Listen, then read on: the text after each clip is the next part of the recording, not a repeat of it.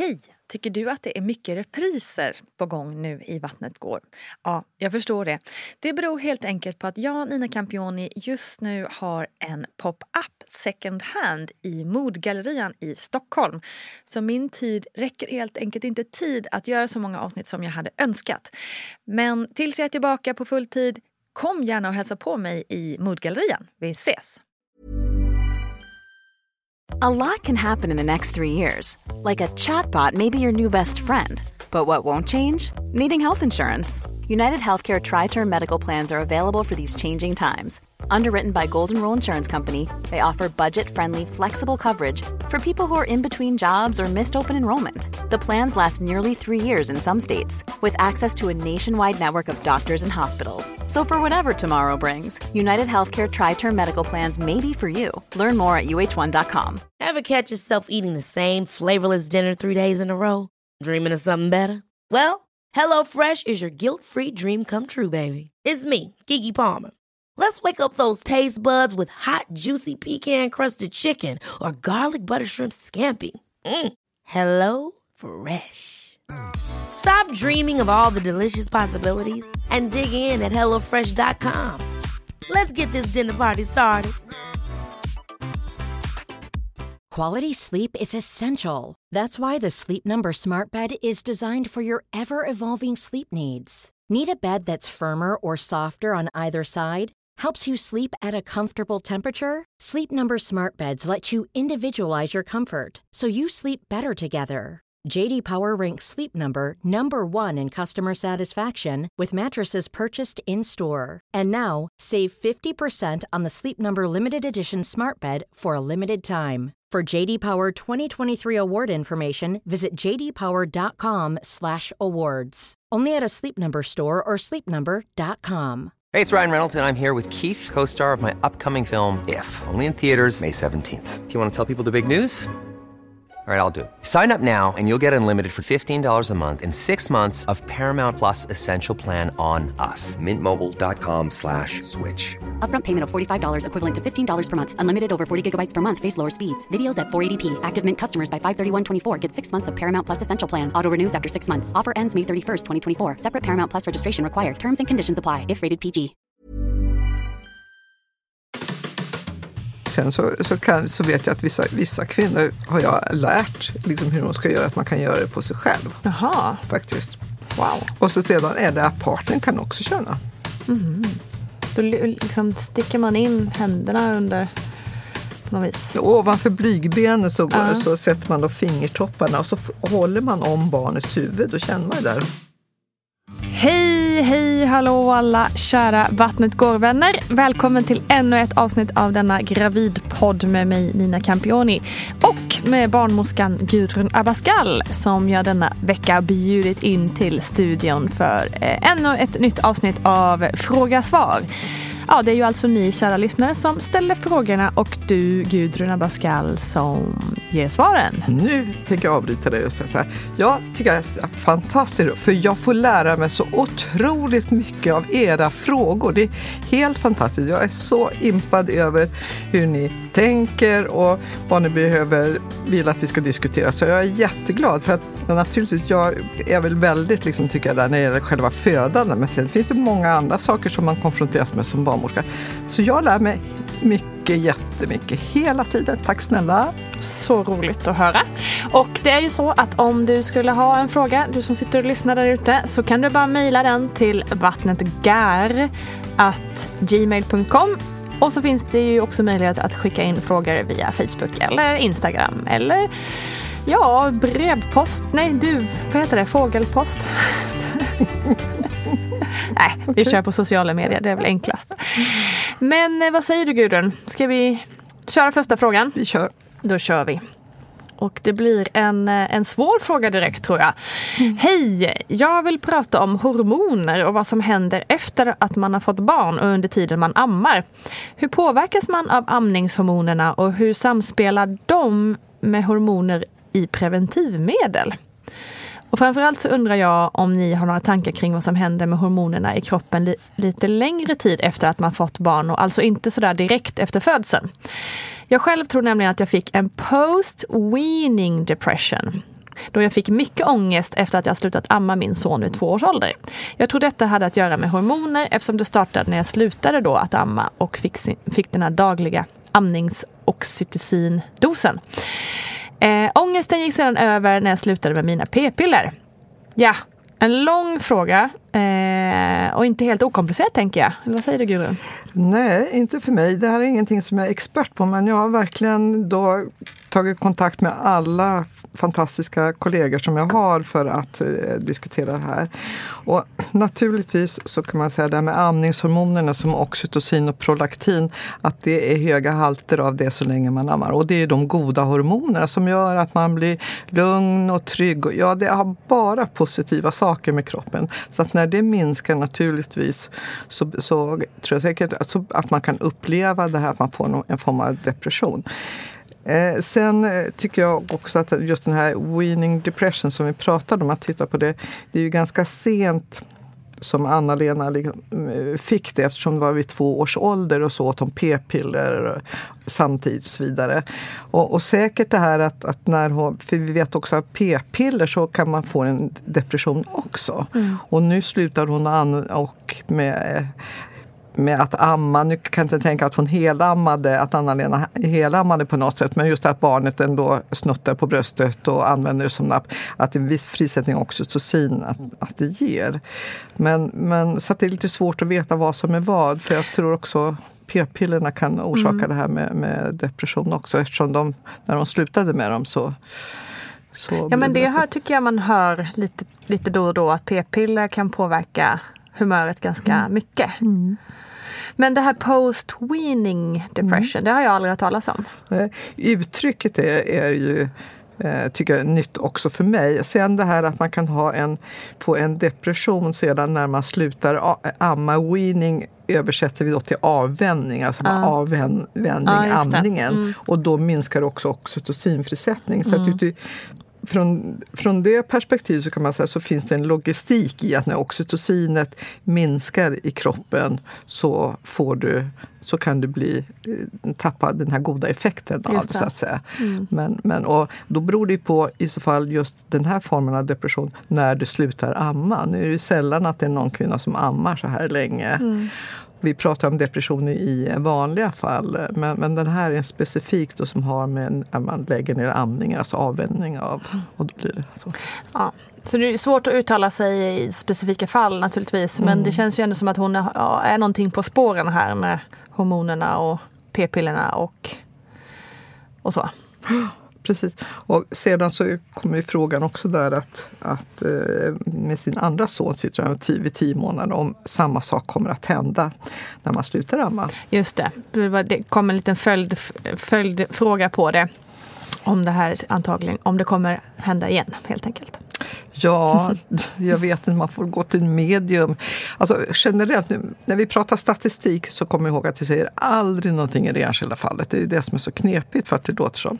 Men vi vet att i andra situationer när det gäller om, om kvinnor har en depression under graviditeten eller direkt efter och så vidare, så vet vi att det är en något ökad risk att man får det också nästa gång. Inte så att det absolut måste bli så, men om man då jämför med de som aldrig haft en depression tidigare eller någonting sådär, så ligger de kanske något högre i alla mm. fall. Att, och då, därför får man ju vara observant på det så att man eh, får hjälp att få till exempel att man söker upp en psykolog eller en psykiatriker och så vidare. Man är det. För det, det, det är ju terapi då, KBT-terapi eller antidepressiva. Jag tror att vissa kan läsa mig till att man kan skriva ut och så vidare om det blir väldigt uttalat naturligtvis. Mm. Men det kan ju vara själv, det går ju över. Så att mm.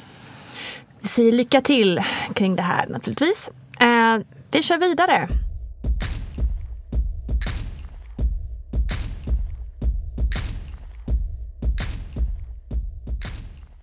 Hej! Jag undrar om Gudrun har några egna barn och vill då höra om hennes upplevelse.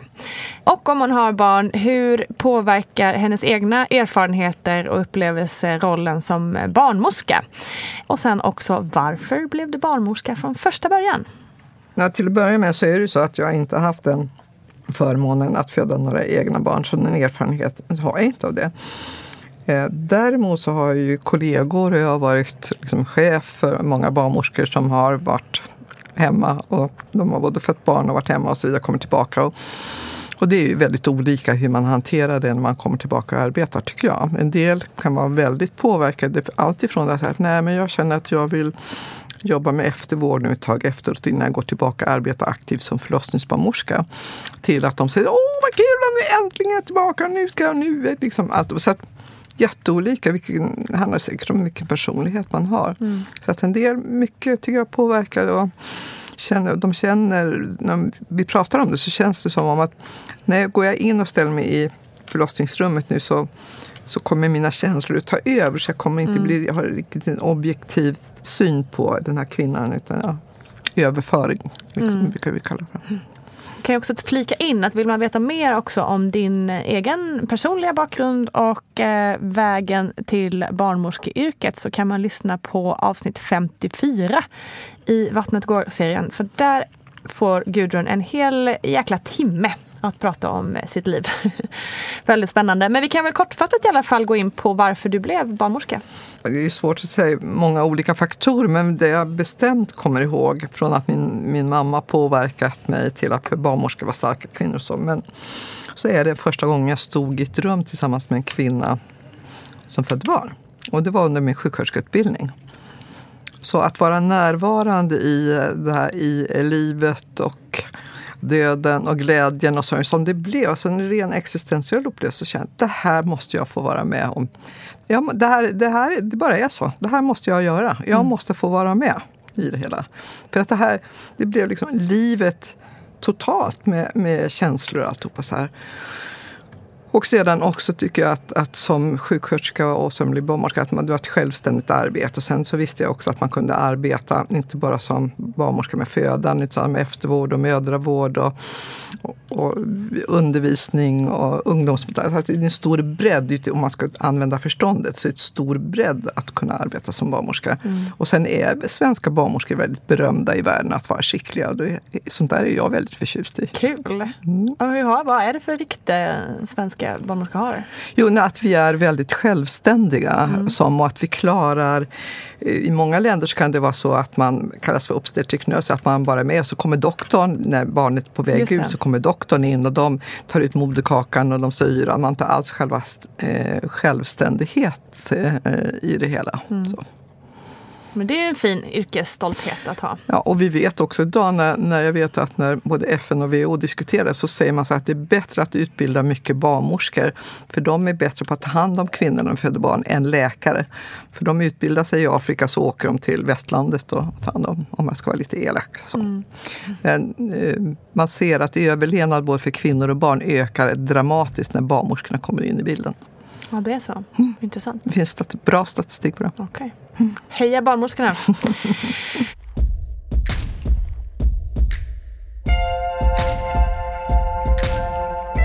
Vi går rast vidare till nästa fråga och den handlar också om barnmors barnmorskeyrket. Så jag tänker att vi tar den på direkten. Hej! Efter att mitt första barn... Efter... Hej! Efter mitt första barn så blev jag så himla sugen på att bli barnmorska. Men annat kom i vägen och jag blev gravid igen. Grattis till det! Efter den andra graviditeten känner jag nu ännu starkare att det är barnmorska jag ska bli. Men det är ju ganska lång utbildning och jag vill inte att familjen ska lida ekonomiskt för att jag ska bli barnmorska. Så min fråga nu till dig Gudrun är, har du alltid roligt när du går till jobbet? Och finns det några nackdelar? Och i så fall, är det värt det? Stort kram till er båda från ett fan. Tack så hemskt mycket.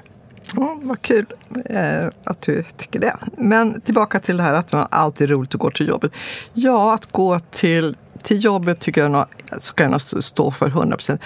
Det alltid har varit roligt på något sätt. Sen finns det andra saker i livet som, har påverk, som påverkar mig som gör att ja, men själva arbetet har jag alltid sett fram emot. Och jag kan säga att, att på, på gott och ont, om du frågar min man eller så, så, så skulle inte jag leva tillsammans med honom om inte han accepterade att jag är barnmorska i första hand. Och det mm. kommer alltså att arbetet som barnmorska kommer i första hand och sen får han då Naturligtvis så försöker jag allt vad jag kan för att det ska bli bra med honom också. Men måste, skulle jag måste välja så vet jag sjutton. Mm. Därför att det är, det är någonting i det här som gör, som jag sa tidigare i förra frågan, det här med jag får livet i ett nötskal genom att arbeta som barnmorska. Mm. och som lär mig så mycket. Finns det några nackdelar som du känner? Ja, ska man titta med förståndet eh, konkret så, så är det ju som du säger, det är en lång utbildning i frågan och eh, först ska man bli sjuksköterska, ska man arbeta eh, minst sex månader och sen vidareutbildningen till barnmorska. Så är det ju studielån då som gäller. Sida. Vad som idag, och det hoppas jag verkligen att det ska gå igenom, men man har börjat på vissa kliniker att sjuksköterskeutbildningen den får man i princip stå för själv. Men barnmorskeutbildningen kan man få betalt. Jaha. Så det är så det tycker jag, och det tycker jag är helt rätt för att till exempel läkarna, när de går sin vidareutbildning som ST, de har ju betalt under Mm. Just sin, det. sin utbildning. Så varför ska inte sjuksköterskor, så det gäller ju inte bara barnmorskor utan all Nej, vidareutbildning. liksom. Skulle jag Mm. vilja säga. Ja, för man Varsågod. jobbar ju. Ja, Ja. Och, och inte bara det, utan vill man ha kompetensen så får man betala för den Mm. också. Så att jag hoppas verkligen det. Så att ut och slåss för det. det jag jobbar jättehårt för det där. Att Mm. få, få en viss yrkeskategori, så varför ska inte alla få det? När det gäller. Helt rätt. Ja, vad spännande. Då får vi hoppas att det slår igenom så att det kan kännas mer ekonomiskt. Ja. Eh, inte lika oroligt kanske. Sen det här att gå till jobbet så är det ju så att så kan jag känna att när jag går, har gått till arbetet så har det varit så, här, så att det är mycket så här men vad kommer hända? För man vet ju aldrig. Hur kommer dagen att se ut? Och det passar vissa och, och andra inte. Men mig passar det jättebra att det finns den här liten fem av anspänning och lite premiärnerver ändå. Liksom, och så, eh, vad, vad kommer hända idag och så vidare. Så man måste vara nyfiken och kunna, lite som Mubentrollet, att allting kan hända därför är jag lugn och liksom att jag ser det som, som en fördel eh, i det hela på det viset. Och just det här, vilka, vilka föräldrar ska jag träffa idag? Var- Och så, ja, jättespännande, det tycker Och vilka barn ska du träffa? Ja. Idag, idag fick du träffa en tjej här som blev, kom till världen med hjälp av dig. Ja. Bara det är ju häftigt. Bara jag går på stan och någon kommer fram och säger Åh, du var med! Åh, ja, det. Och sen så tycker jag också att, att jag har haft fördelen det här med att ha alltid haft väldigt trevliga och eh, bra, ar- lojala arbetskamrater. Att vi har kommit överens, bara, in, inte bara så som vanligt man har jobbat på, utan det blir en speciell bindning ihop där, där man eh, faktiskt, som, som har varit viktig för mig också på det viset. Ja, nackdelarna så kan man säga, ja det är väl arbetstiderna, kanske inte så mycket för mig men för sin familj. Det. det är att man arbetar Ja, som det ser ut idag så principiellt så kan man säga att man arbetar var tredje helg. Det är- julafton, det är midsommar. Och det här att du arbetar ett skift mellan klockan två och, och klockan nio och sen så går du hem och sover och så ska du vara tillbaka på jobbet klockan sju. Nu försöker man för att det ska bli kontinuitet för föräldrarna om man ska säga så. Så, att, så att det kan ju vara tufft liksom, och slitigt. Och likadant här som det ser ut idag och det måste vi göra någonting åt. att det här med semestrar och så vidare, somrarna kommer och så, så, så finns det inga vikarier. Och så ska man inte få ut hela sin semester och man ska jobba dubb, extra arbetspass. Det har, ju inte, har jag själv personligen inte drabbats av, men det ser jag, det är ju det som är de absolut värsta konsekvenserna för det hela. Och också idag att det händer att eh, när jag pratar med en barnmorska så säger han ja, nej men det hade varit så mycket att göra och jag känner att jag hade, hade jag haft tid så hade jag kunnat göra mycket mera. men just på det. grund av det här att inte tiden räcker till därför att jag, det är så mycket och jag har flera kvinnor att ta hand om så kan jag inte ge allt som jag ändå vet. Så Och det är en hemsk är ju en, det är en tuff, tuff situation. Så att vi måste lösa det här på något sätt. Vi måste bara göra det. Men de här nackdelarna åsido så känner du ändå att eh, vi kan uppmuntra eh, Emma här i eh, mejlet att eh, söka sig till Abs- yrket. Absolut, eftersom det låter i alla fall som som Emma ändå är någonting som vill och brinner för. Och det är Mm. grunden till alltihopa. Och att ha förtroende för det här med kvinnor och barnafödande och föräldraskap och alltihopa så, här, så, är det, så är det definitivt. Och så får man väl då stämma av det med, med sin egen sociala gemenskap, att, att det passar och så vidare. Ja. Så här, ja, man förstår. Lycka till säger vi. Absolut. Ring när du är klar. Jag ska berätta var du ska arbeta någonstans.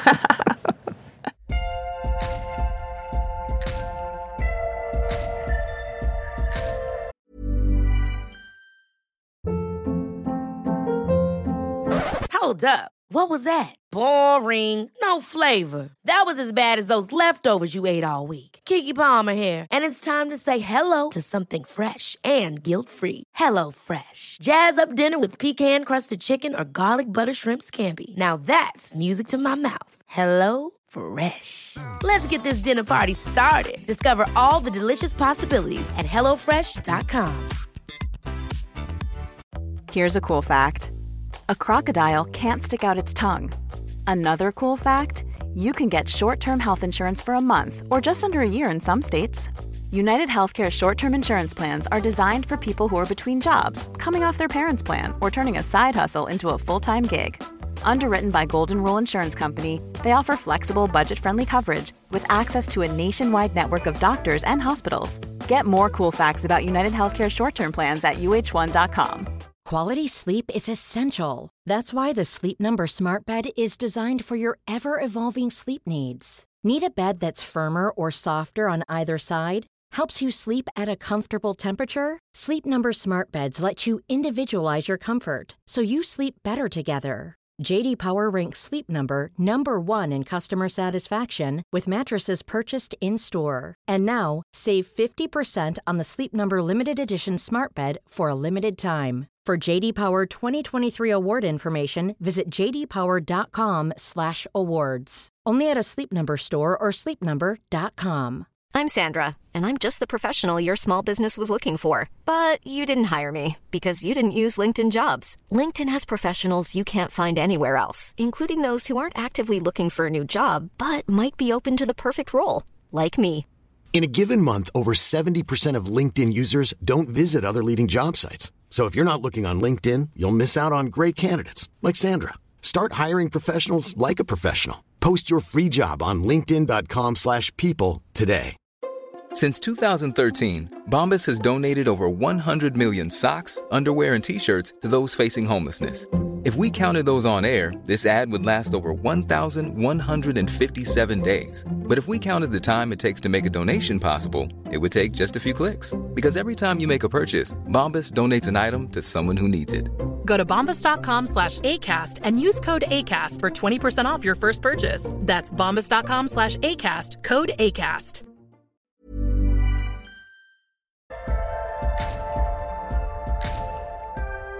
Då går vi vidare. Jag skulle vilja fråga Gudrun varför det är farligt att vara överviktig vid en graviditet. Till exempel så får ju inte kvinnor som vill inseminera sig ha ett BMI över en viss gräns.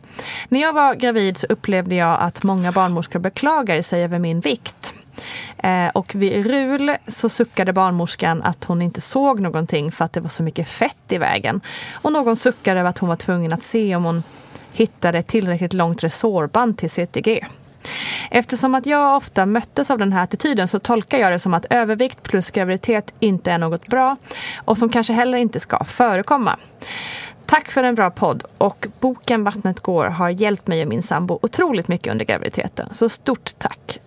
Tack säger jag till det. Vad fint att den har vår lilla bok har hjälpt till Absolut, på vägen. så. Men du Gudrun, det här låter ju inte så trevligt. Nej, alltså först så kan jag känna att bli, bli, får en pulsstegring och blir väldigt upprörd över det här när, du, när eh, Melaine eh, beskriver hur barnmorskorna har uppfört sig. Att de suckar och stånkar och stönar och att säger att vi pratar om mycket fett i vägen och långt resorband.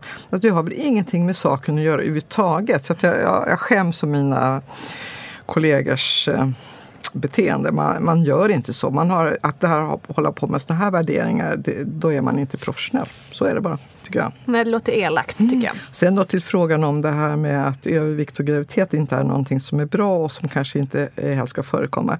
Och för mig så blir det inget bra eller dåligt. Vad vi kan i så fall beskriva det är ju där att, att vi ser att komplikationer tillstöter liksom mera hos överviktiga kvinnor än, Mm. än andra. Det kan man bara konstatera. Så här ser det, ser det faktiskt eh, ut. Och då man delar in det här med, med fetma i, i olika nivåer. Klass 1 är BMI 30 till 34,9. Klass 2 BMI 35 till 39,9. Och BMI på 40. Så det är också olika hur stor övervikt man har tycker jag. Ja, men eh, samtidigt så, så kan jag också tycka att oavsett var man befinner sig i de här grupperna så är det, så är det ju inom vården vårt sätt att kunna hjälpa till och stötta och finnas, Mm. finnas till. Gör det så bra som det går. Och, och, och då kan man se på statistiken att ju, ju klass 3 till exempel, en BMI över 40, så, så ökar risken för komplikationer i, i, på alla sätt och vis. Är det några specifika komplikationer eller är det Ja. bara allmänt? Nu Rent? har jag plockat fram så här vetenskapliga artiklar och tittat för att verkligen ha, ta på. Så vet vi att fetma till exempel under tidig graviditet ökar risken för missbildningar. Ja, okej. Och då får man ju ha det här med ultraljud och man får, får kolla då att det, det är liksom vad som händer och så vidare. Sedan så vet vi då att när man kommer längre fram i, i graviditeten så vet vi faktiskt de kvinnor som är i grupp 2 så, så risken för havandeskapsförgiftning är tre gånger så stor i den gruppen som om du inte befinner dig i det. Så att det får man ju också då vara observant på. Men det är ju barnmor, det är det barnmorskornas jobb att ha koll på det här. Se till att det inte utvecklas det där. Om det gör det så ska man då medicinera och man ska tas om hand om och vårdas.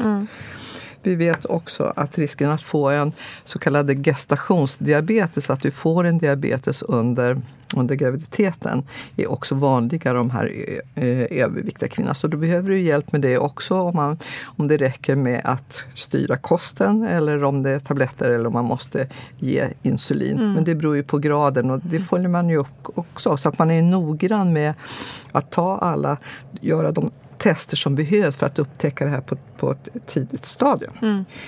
Och sen så vet vi också att eh, kvinnor med högt BMI också riskerar att föda för tidigt mera Ah, än okej. andra kvinnor. Och sen också att eh, tyvärr risken också för intrauterin fosterlöd är något större i den här Right. gruppen. Men det handlar om, ja men så här ser verkligheten ut. Och då är det ju inom vården som måste se till att det inte kommer så långt när kvinnorna hamnar i de här svåra situationerna. Vi ska upptäcka det och behandla och ta hand om. För det kan vi göra, att man följer liksom att man är så noggrann och har extra kontroller, vilket man har nu, tycker jag ändå. Mera. Om man då tittar på själva födande så, så vet vi att kvinnor har ett förlängt öppningsskede, alltså, så kan man säga. Att, eh, att det tar ungefär två, tre timmar längre att föda, alltså att öppna sig.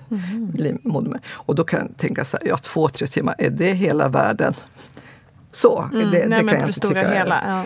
Däremot så vet man att kvinnor, överviktiga kvinnor, bra eller dåligt, men att de krystar snabbare ut sina barn.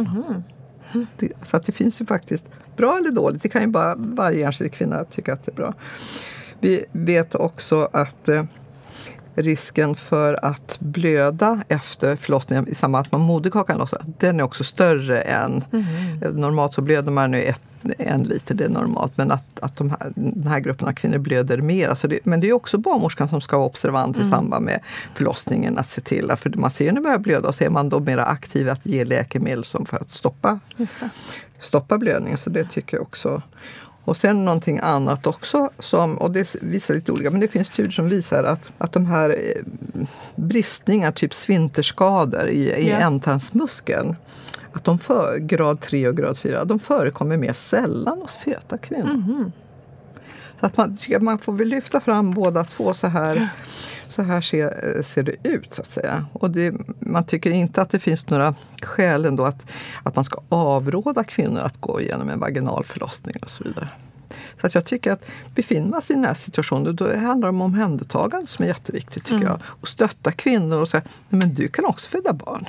Och inte som i det här fallet, ja, Nej men precis, så man kan sammanfatta det med att det, det finns vissa eh, risker och komplikationer som kan tillstå men det handlar ju inte om att du är bra eller dålig Nej, utan eh, omständigheter. Just det här värderingssystemet Ja. känns ju pinsamt. Ja.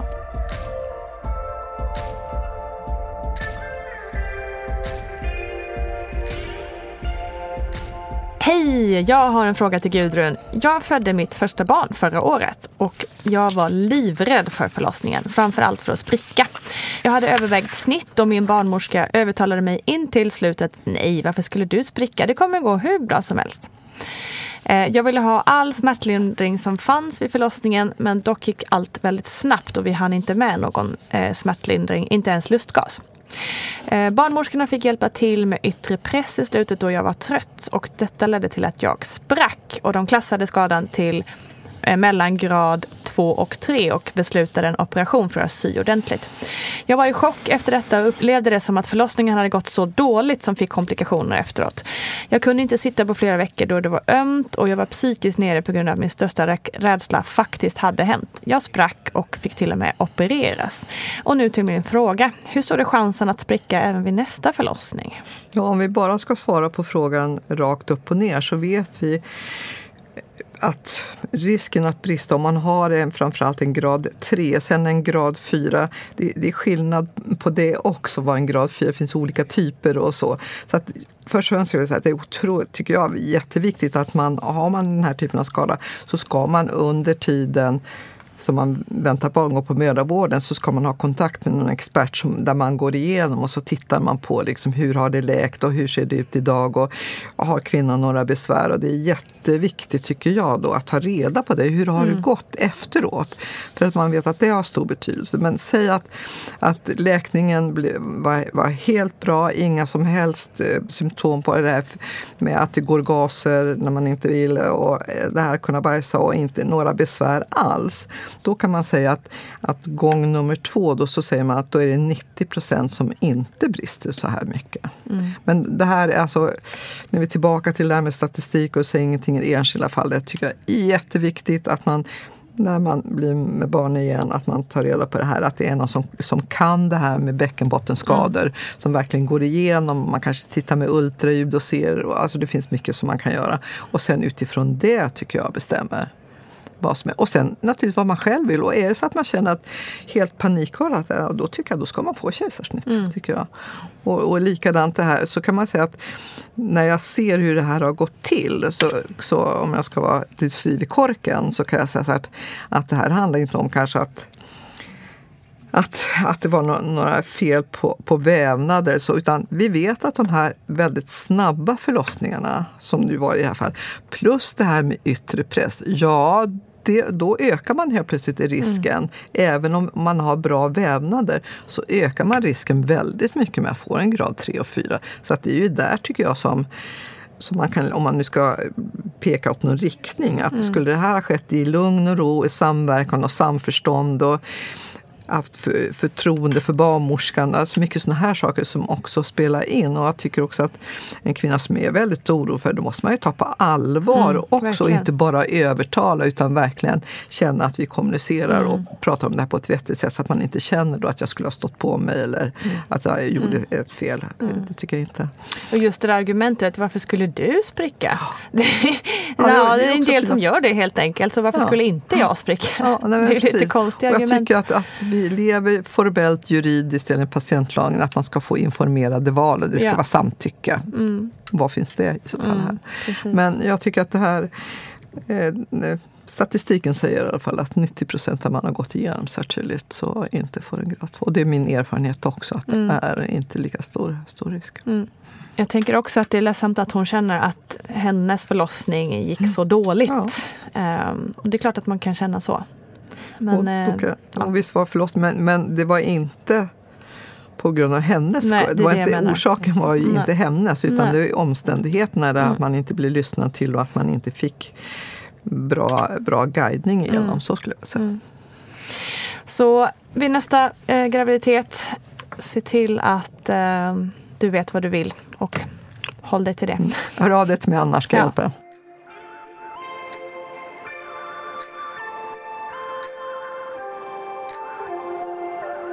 Nu kommer en liten eh, kort och snabb fråga.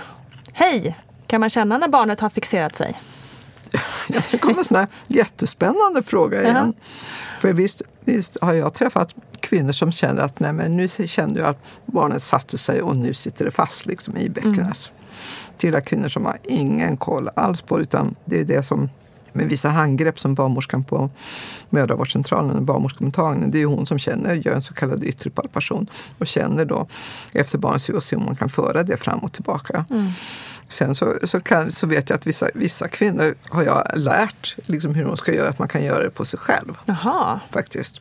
Wow. Och så sedan är det att partnern kan också känna. Mm. Då li- liksom sticker man in händerna under på något vis. Ovanför blygbenet så, Ja. så sätter man då fingertopparna och så håller man om barnets huvud. Då känner man det här hårda och så ser man om man kan flytta det fram och tillbaka Ja, ja, på utsidan av magen.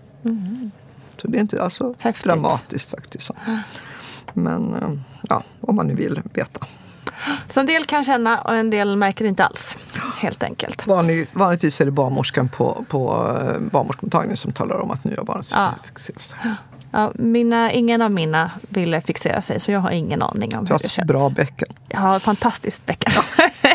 Alla säger det som har träffat mig. Hörde Gudrun, det där var sista frågan för dagen. Tack så hemskt mycket för att du ville vara med och, och svara på alla frågorna där. Ja, det har varit så spännande den här gången. Jag är helt så här, oh, i gasen. Ja, kul. det- Och ni ställer så bra frågor. Och, och just det att jag också faktiskt får lära mig. Och, Så. Geniala lyssnare helt enkelt. Och hör du lyssnare, om du har en fråga som du vill ställa till Gudrun så missa nu inte att eh, skicka den till mig. Eh, vattnetgar.gmail.com eller så finns ju såklart Vattnet går på Facebook och Instagram också. Där kan man också slänga iväg sig en fråga.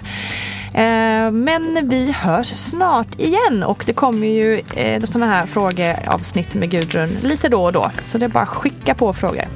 Ha en riktigt bra dag. Kram på er. Hej hej!